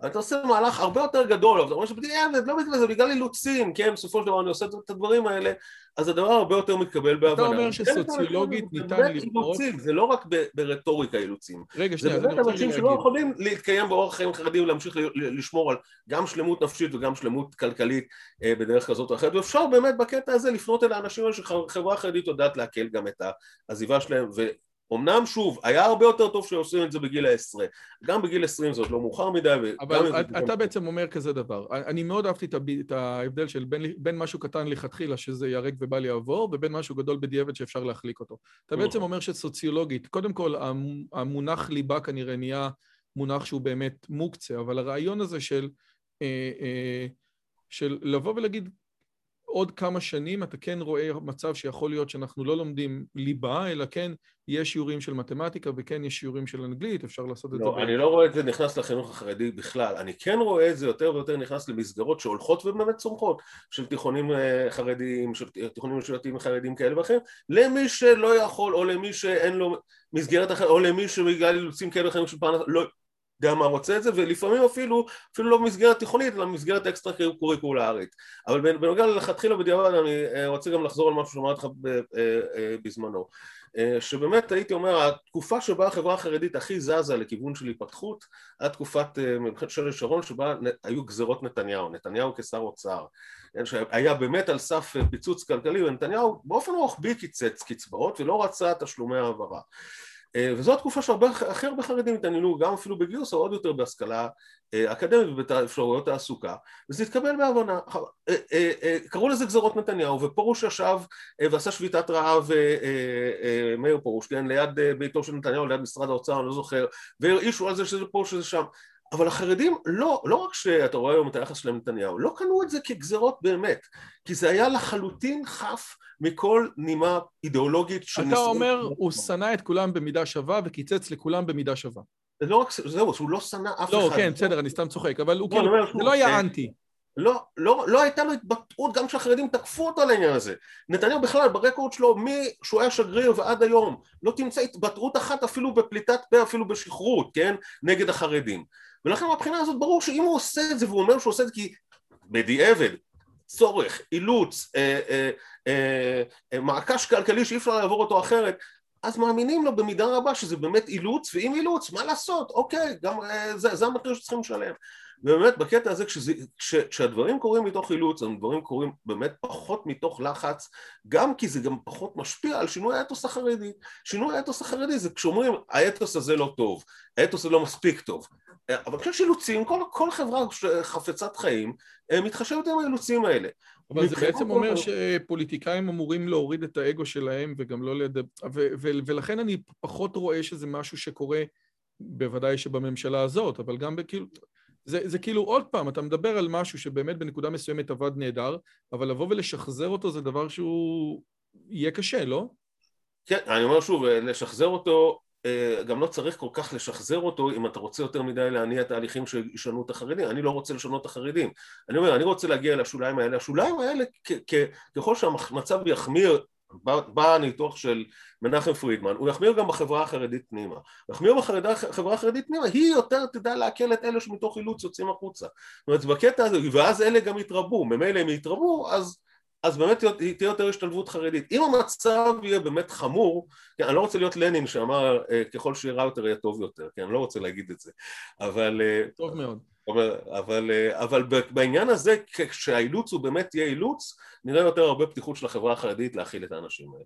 טוב, אז אני רוצה לשאול שאלה אחרונה שבעצם אמורה לסווג ככה את הכל, עוד פעם, היא תהיה קצת מורכבת, אבל יש כאלה שרואים בחרדים החדשים, או בח... לא, לא במודרן, כן, אלא בחרדיות הישראלית כפי שאנחנו מכירים אותה, את המקור שלה אצל הרב שך, כן? הרעיון הזה של בוז לכל דבר חילוני, הרעיון הזה של השקופי, הרעיון הזה של גדולי הדור, זאת אומרת שינוי מהותי שעברה החברה החרדית מהרב שך ויתד נאמן, שינוי שלא היה לצורך העניין בתקופה של החזון איש, כן? זאת אומרת, משהו שהרב שך אה, שינה, כן? הרעיון הזה של השקופי, גדולי הדור, ש, שאתה בא לגדולי הדור בכל דבר, כן? הרעיון הזה שלמעשה מי שגדול הדור היום דה פקטו הוא רב ינקי, ינקי קנייבסקי, כן? אותו נכד. ואחד הדברים המעניינים, אמר לי פעם משהו חרד, מישהו חרדי, תראה, אפשר להגיד הרבה דברים, אבל כל אימא חרדית רוצה שהבן שלה יהיה גדול הדור. ואתם לא יכולים להגיד את זה לציבור הציוני-דתי. הציבור הציוני-דתי, אם הילד רוצה ללמוד תורה ולא לעשות מתמטיקה, אז יגידו, הלו, הלו, תורה זה נחמד, תעשה בגרות. תורה זה נחמד, לך תלמד, כן? אומר, באמת כל אימא חרדית באידיאל רוצה שהבן שלה יהיה גדול הדור. יש להם את הריאליה, הם מבינים שלא כולם יכולים, לא כולם משכילים, לא כולם... אבל זה החלום. נכון. וזה, עכשיו, כנגד זה יבואו הציונים הדתיים ויגידו, אתם טובים בלהוציא אחד מאלף, אבל איפה כל האלף? סבבה לגמרי. ובהקשר הזה אותי מעניין, האם, ש... האם ניתן להגיד, וזו אמירה קשה, כן? שהפרויקט החרדי, בוודאי מהרב שך, האם ניתן להגיד שזה סוג של הנדסת תודעה חברתית? וה... והנדסת תודעה חברתית במובנים ממש משמעותיים, זאת אומרת, אישה עובדת, גבר שלא נלחם, לא מדברים על רגשות, לא מדברים על אהבה, אני לא מדבר בוודאי על, על, על, על כל ההגבלות המיניות של החסידויות, ואתה כבר דיברת על ההגבלות של גור, אבל יכול להיות שהדבר הזה שהוא כל כך שונה מה... מסדר החיים הרגיל של גבר נלחם ואישה לא עובדת, של כן מדברים על אהבה, האם הדבר הזה יש לו השלכות שאנחנו לא יכולים לראות אותן כחברה מהונדסת תודעה? אה, אז, אז זה מחזיר אותנו למעשה לקביעה שלי לפני כן, אה, על זה שבאמת רק הציונות הדתית היא המגזר היחיד שנותן בחירה. אז שלא באמת בחירה זה טוב. אה, אז במידה רבה זה חוזר אולי למה שאמרת ככה זרקת באוויר קודם, התפיסה לגבי טבע האדם. בתפיסה אופטימית לגבי טבע האדם, בחירה זה טוב. תפיסה יותר פסימית, יותר זהירה כלפי טבע האדם, בחירה זה רע. והבוחר יבחר בעניין הזה, והעולם החרדי באמת מהבחינה הזאת, גם אם הוא יכחיש את מה שאני אומר עכשיו, יש לו איזושהי תפיסה מאוד פסימית לגבי טבע האדם, שבמאבק בין יצר לשכל, היצר יותר מנסח, פסול סלנטר, גדולי תנועת המוסר, ניסחו את זה הרבה פעמים בלשון מאוד ברורה, כן, אה, יש כוח ליצר שהוא גובר על השכל, לכן אני לא סומך על האדם שיבחר את הבחירה הנכונה. אה, וזה באמת, הפסימיות הזאת לגבי טבע האדם היא זאת שמובילה הרבה פעמים למה שאתה קורא הנדסה חברתית או הנדסה תרבותית, הנדסה חינוכית. כן, אז הרעיון הוא שאם אני לא סומך על האדם עצמו, אז צריך להנדס אותו. אבל לגבי העניין של אה, הרב שך, אה, תלמיד שלי, דוקטור יאיר הלוי, כתב עבודה מצוינת, עבודת דוקטורט על השינוי הזה בשנות ה-70 עם עלייתו של הרב שך. לטענתו, אה, והוא מוכיח את זה יפה, באמת עבודה מדהימה. אה, באמת... רגע, אתה מקבל את הטענה שלו? כי שאני... לא, אני מקבל אותה בסייג קטן. אז, אז בוא תגיד מה הטענה ותגיד איפה אתה לא מקבל אותה. אוקיי, לא, קודם כל הוא קורא לזה החרדיות החדשה, והוא אומר, משווה בין זה לבין החרדיות של שנות החמישים-שישים, והוא אומר, באמת, בעניין הזה מתחוללת תמורה בחברה החרדית. לדעתי במידה מסוימת זה, זה, זה, ברמה החברתית הכללית זה נכון, אבל במידה מסוימת היה את הדבר הזה גם בחרדות הישנה כאידיאל שלא באמת התכוונו להשיג אותו. זה, הגדולים מקיימים את האידיאל הזה גם אז, כן? הגדולים הם יותר מסויגים החברה המודרנית, הם באמת uh, רואים להערצה. אנחנו הקטנים, בגלל, דווקא בגלל תפיסת קטנותנו, לא צריכים להגיע למדרגה של הגדולים, יש פער שאנחנו חיים איתו. Uh, העניין הזה שבאמת האידאל הופך להיות למשהו שהרבה יותר צריך להריץ אותו אל כל שדרות הציבור ולא רק לבני תרא, אז גם כן בשנות ה-50-60 בני תרא כן צריכים להיות יותר קרובים לאידאל של הגדולים אה, וככל שבני תרא הופכים להיות בעצם כל החברה החרדית אז הדבר הזה יותר רמות ציבוריות רחבות יותר.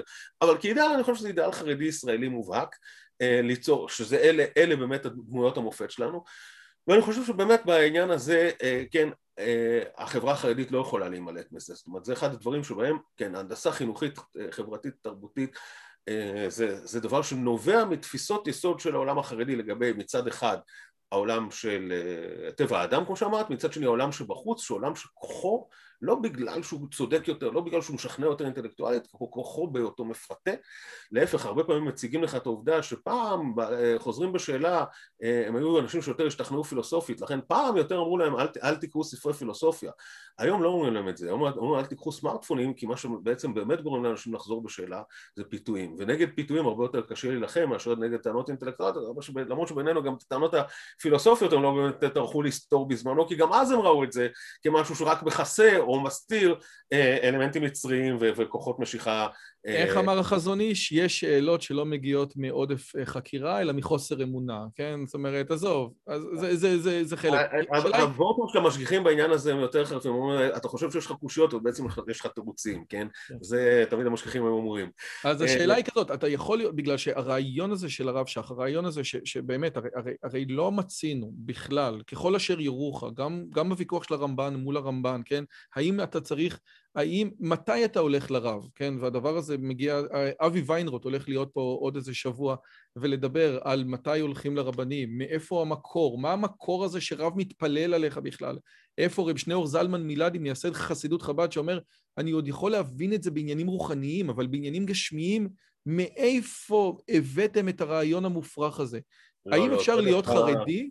האם אפשר להיות... העניין של להתפלל על, על, על אנשים, להתפלל על גורלם של אנשים, זה תנ"ך וחז"ל, זה... לא, לא, לא. אז, אז קודם כל, אבי ויינרוט מביא שם כמה דברים, והוא גם בין היתר מביא את הנועם אלימלך ורבי שניאור זלמן מילדי, אומר, אל תפנו אליי, אל תפנו לרב בעניינים גשמיים. אתה יכול כן, לפנות אל הנביא, אבל לא לרב. אבל שנייה רגע, אבל השאלה היא, האם ניתן להיות חרדי בלי לחשוב שאתה צריך לפנות לרב בשאלה מי אמור להיות ראש עיריית בני ברק? זאת אומרת שאתה אומר, אבל לא כי העניין של מה שנקרא דוקטרינת דעת תורה בציבור כן, הליטאי. כן, דעת תורה במובן, אגב, אה, יש דבר, כן, בדעת תורה במובן המאוד, או כמו שאורי קולפ יגיד לי, האקסטרווגנטי שלה, המכליל ביותר שלה. נכון, אז זה בעצם... אפשר להיות חרדי בלי הדבר הזה? של הצדיק החסידי. החסידים היה את זה כבר מהמאה ה-18, ובעצם התקרבות של דוקטרינת דעת תורה לדוקטרינת הצדיק החסידית, שזה באמת קורה, וזה קורה גם אצל הספרדים. אם אתה רוצה, הנה, אני גם עונה לך לשאלה שבה פתחנו. אה, כן, יש חידוש. הדוקטרינת דעת תורה היא חידוש תיאולוגי פוליטי, אתה יכול להגיד זה חידוש לכיוון לא פתוח, היותר סגור, היותר זה, כן, אבל זה בדיוק הנקודה, חברה שלא רוצה לשים על דגלה את האידיאלים של פתיחות, של חדשנות במובן המודרניסטי, אז החידושים שלנו הרבה פעמים בכיוון ההפוך. גם אגב, אתוס ההחמרה הוא חידוש, אתוס ההחמרה של החברה החרדית הוא חידוש, יש דברים חדשים, כל הזמן קורים דברים חדשים. גם חדש אסור מן התורה זה חידוש. חדש אסור מן התורה, אומר פרופסור יעקב כץ, זה חידוש חדש מאין כמוהו, מעולם לא כן, ראינו. אגב, הרב קוק אמר, אני מכיר עוד פירוש לחדש אסור מן התורה, שאלו אותו מה? אמר שתבואה חדשה, אסור עד שהקרבת את העומר, כן? זה, זה גם איזה, איזשהו פירוט. אז, אבל הנקודה היא שכאשר יש לך דעת תורה כל כך מחליטה... לא, אני רק רוצה לחדד את הנקודה הזאת. דוקטרינת דעת תורה היא נראית לך כעוד בעצם... אה, פאזה או עוד אה, היבט של ההסתגרות החרדית, הסטגנציה החרדית, כל הדברים האלה. דוקטרינת דעת תורה היא בעומק, אם אתה בוחן אותה לא כמבנה חברתי רק, וגם כמבנה חברתי היא חידוש מעניין, אלא כחידוש תיאולוגי פוליטי. יש כאן תיאולוגיה פוליטית חדשה שאומרת בעצם מי שראוי לשלוט זה הם, אלה בעלי הכוחות האינטלקטואליים והמוסריים והדתיים הגבוהים. השליטים הפילוסופיים של אפלטון. בדיוק, השליט הפילוסופי של אפלטון אם תרצה, בווריאציה יהודית. רפובליקת הפילוסופים של אפלטון כבר אמרו רבים וטובים שהיא כישלון אה, מובטח מראש אה, וכל פעם שניסו דבר דומה לזה זה באמת לא היה, לא בישר טובות.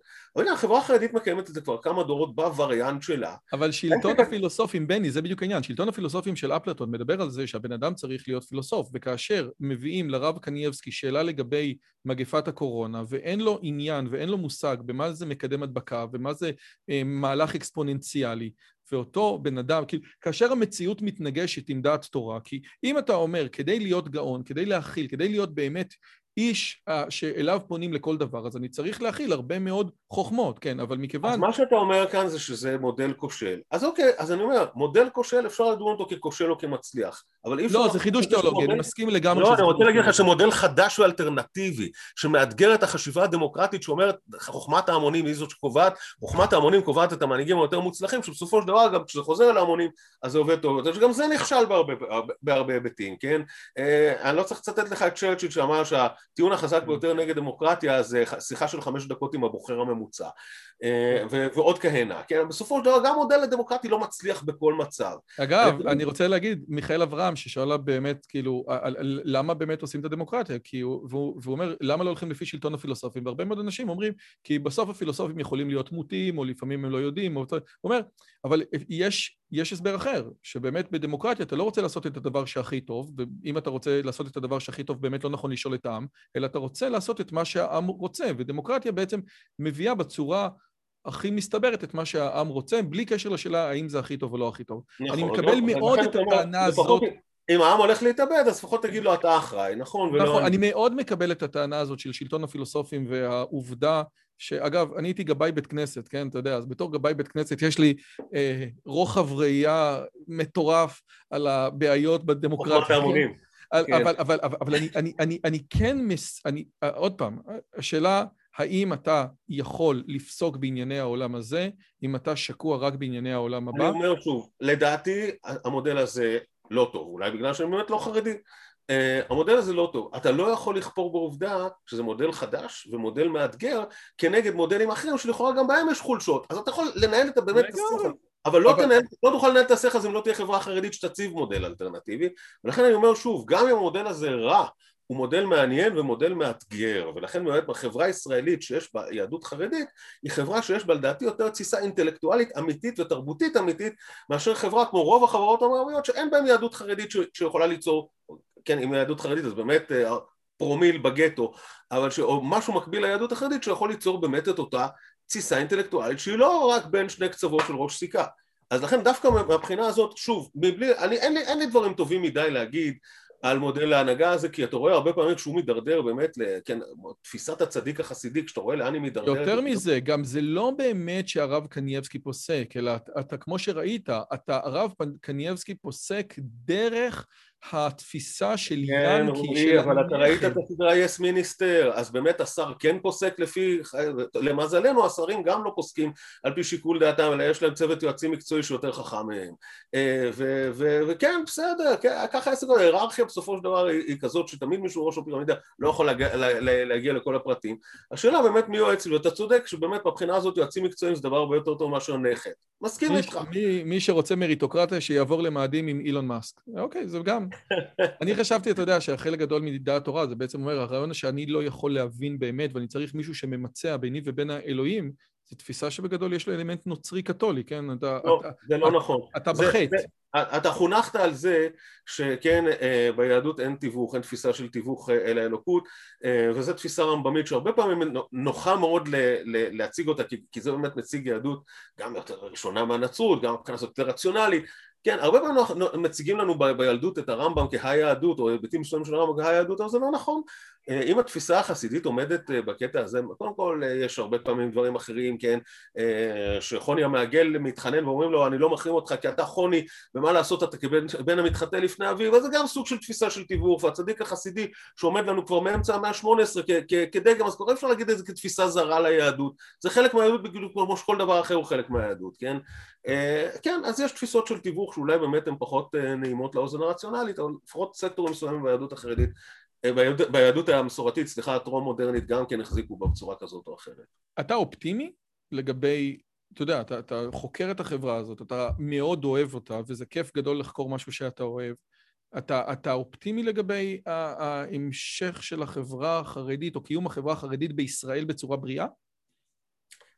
בגדול כן, אני לא אגיד לך שאני בטוח באופטימיות שלו, שזו אופטימיות בטוחה, מוצקה, שאני יכול לבוא איתך, אליך איתה ברון ובשמחה. אה, אני אופטימי כי אני רואה שבסופו של דבר אה, יש בחברה החרדית אה, לא מעט מנגנונים של תיקון עצמי כזה או אחר בדרכים שונות מאשר בחברה הכללית, כלומר יש אלמנטים, כי אתה רואה את גור של היום והמרד הפנימי בגור הוא חלק מהסיפור הזה, באמת שבה העניין הזה של הכוח הופך באמת להיות כוח מאוד חונק, מאוד אה, נאכף בדרכים טרוריסטיות, אתה רואה כל מיני תופעות כיתתיות בשולי החברה החרדית, ואני לא מדבר רק על ברסלב שעליה קל לשים את האצבע, אבל באמת בכל מיני שיגעונות. אתה רואה מצד שני גם את החברה המערבית, גם שם יש באמת בחברה המערבית אה, אה, המון תופעות, גם בכוחות גדולים יותר, גם בכוחות קטנים יותר, שהן מוטרפות בעיניך, אף על פי כן אתה אומר אני אופטימי כי יש לה מנגנוני תיקון עצמי. אך מנגנוני התיקון העצמי של החברה החרדית הם יותר קשים כי זו חברה יותר אוטוריטרית, יש להם יותר בעיות, אבל מצד שני מניסיון של דורות, גם החברה האוטוריטרית יודעת אה, אה, את גבולות הכוח. ולכן מבחינת נותנת אפשרויות קיום פחות לכתחיליות, כמו שאמרתי, גם לקוחות המנסים לתקן אותה. וגם אם אה, החברה של החרדים החדשים היא באמת שולית, ואני מסכים שהיא שוליים, אה, כבר כן יותר ויותר לומדים להכיל אותה, לגנות אותם, להשמיץ אותם, הכל בסדר, רבים, זורקים אה, אה, אחד על השני, אבל בסופו של דבר כן לומדים להכיל אותם. אז לכן בסופו של דבר אני חושב שלחברה החרדית כן יש מנגנונים של תיקון עצמי שכן אה, הופכים אותה לחיונית אה, ובת קיימא יותר ו- ו- וגם מבחינה הזאת גם מאפשרת יותר הליכה לכיוונים אה, אה, טובים לה, טובים לה. השאלה א', עד כמה הם באמת יהיו טובים לחברה הישראלית זה, זה לא תלוי רק בחברה הישראלית, אה, בחרדים אלא גם בחברה הישראלית ואיך היא תדע להתייחס ולהכיל את החרדים וב' אני גם רואה בדאגה, כמו שקורה תמיד, את העובדה שכנגד אה, כל אה, כיוון חיובי יש ריאקציה, והריאקציה היא לאו דווקא שמרנית, היא לפעמים ריאקציה של עוד יותר רדיקלית, והרבה פעמים התגברות של קנאות, שבאמת לא מביאה, וכיתתיות, ותופעות מיסטיות מוזרות, אה, שלא מביאות את החברה החרדית למקומות טובים, ולך תדע בסיפור הזה מי יגבר וכוחו של מי יכריע בסופו של דבר, כך שאי אפשר באמת לנוח על זרי הדפנה, אבל בסוף, בסופו של דבר אני חושב שהחברה החרדית הוכיחה עד היום, שגם כשהיא הולכת למקומות שלא טובים לה, אפילו לא טובים לה, אה, היא יודעת לעצור לפעמים, אה, או לפחות יש בה כוחות מסוימים שיודעים לעצור, ואני גם רואה את האלטרנטיבות שהולכות וצומחות כדברים שאולי הם לא יהיו חלק מהחברה החרדית, אבל סך הכל הם כן יתרמו לאותו פסיפס רעיוני שאנחנו רוצים שיהיה בחברה הישראלית, המאתגר, מכל מיני כיוונים. אה, שהיהדות החרדית אה, לדעתי תרמה ותורמת לו גם היום. או, אז קודם כל תודה רבה רבה, זה דבר אחד, זה היה הרצאה ושיחה מרתקת על החברה החרדית, זה דבר אחד.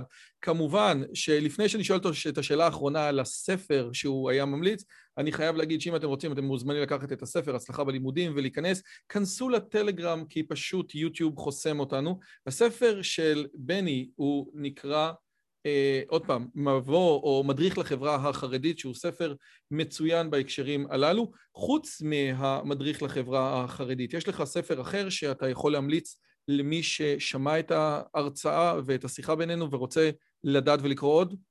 כן, אז אה, טוב, אם, אם אתה רוצה, קודם כל, הזכרת את הספר הזה, שבאמת הצליח יפה ואני שמח על כך, אז יש ספר חדש בהוצאת המכון הישראלי לדמוקרטיה שהוא כן ספר המשך לו, נקרא חברה בתמורה הספר הזה עוסק יותר, כן, אמונות וזרמים, כשמו כן הוא עוסק יותר בהיבטים אידיאולוגיים והיסטוריים. אה, הספר ההוא, אה, חברה בתמורה, עוסק יותר בהיבטים עכשוויים ויותר חברתיים, כלכלה חרדית, חינוך חרדי, האישה החרדית, יוצאים בשאלה, חוזרים בתשובה, וגם הספרות התורנית החרדית, שני פרקים, גם על הספרות ההלכתית וגם על הספרות ההשקפתית, והמוסרית יותר.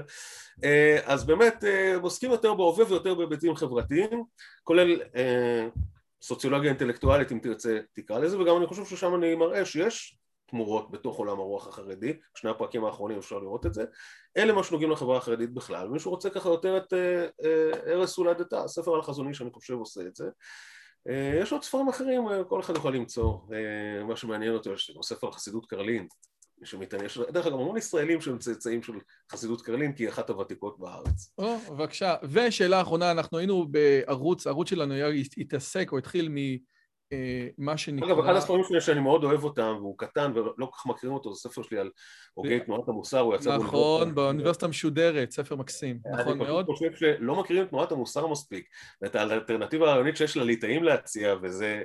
חבל לי, אבל uh, הספר הזה עושה... אה, כן, מישהו חושב שזה רק uh, תסכול ולהיות עצובים, אז לא, יש להם עוד דברים. למרות שעכשיו זה הכיף של הליטאים, זה שלושת השבועות בתשעה באב, הם כל כך נהנים מזה.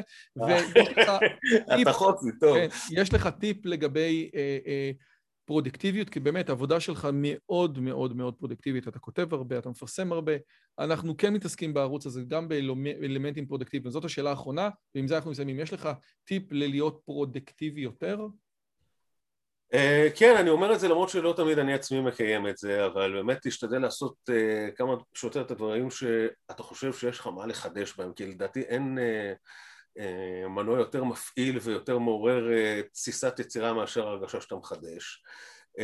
ומבחינת, מהבחינה של הגשמיות של העבודה, נגדיר את זה ככה, אני אוהב לעבוד בלילה, אבל כל אחד בשעות שנוחות, פשוט אדם צריך לדעת באיזה שעות הוא פרודוקטיבי יותר, ככה, כשהעולם יותר שקט, יותר רגוע, ואתה יכול באמת להקדיש דברים, והכי חשוב לי אישית זה רצף העבודה. כלומר, גם אם אתה מרגיש שאתה לא יכול להתפנות, אבל רק כדי לשמור על רצף עבודה, חצי שעה ביום להמשיך את מה שהתחלת כדי לא להתנתק מזה, זה מאוד חשוב, כי כשמתנתקים אז אחר כך חוזרים לזה וכבר נראה, רגע, מי, מה, מה... תעזבני יום, יומיים מעזבקה, גם במחקר אקדמי תקף. פרופסור בני בראון, היה ממש כיף, כבוד גדול, זכות גדולה לארח אותך, מקווה שתבוא שוב. תודה רבה, תודה לך, וכל טוב לצופים. ביי ביי. אם הגעתם עד לכאן, מגיע לכם כל הכבוד. אז תנו לי להגיד לכם שלושה דברים קצרים. הדבר הראשון, אם שמעתם משהו בשיחה שמעניין אתכם, שאתם רוצים לקחת הלאה, פשוט ספרו אותו לאנשים אחרים. משהו מעניין שאני אמרתי, משהו מעניין שהאורח שלי אמר, איזשהו רעיון שאתם רוצים לקחת איתכם לחיים, פשוט ספרו אותו לחבר או לחברה. זאת הדרך הטובה ביותר לזכור את הרעיונות מתוך השיחות האלה. הדבר השני, אם אתם רוצים לקחת חלק בקהילה שלנו ולפגוש ולדבר עם אנשים כמוכם, אתם מוזמנים לערוץ הטלגרם שלנו, שווה לכם מאוד. פשוט תראו עוד אנשים שמתעניינים מדברים מגניבים בדיוק כמוכם.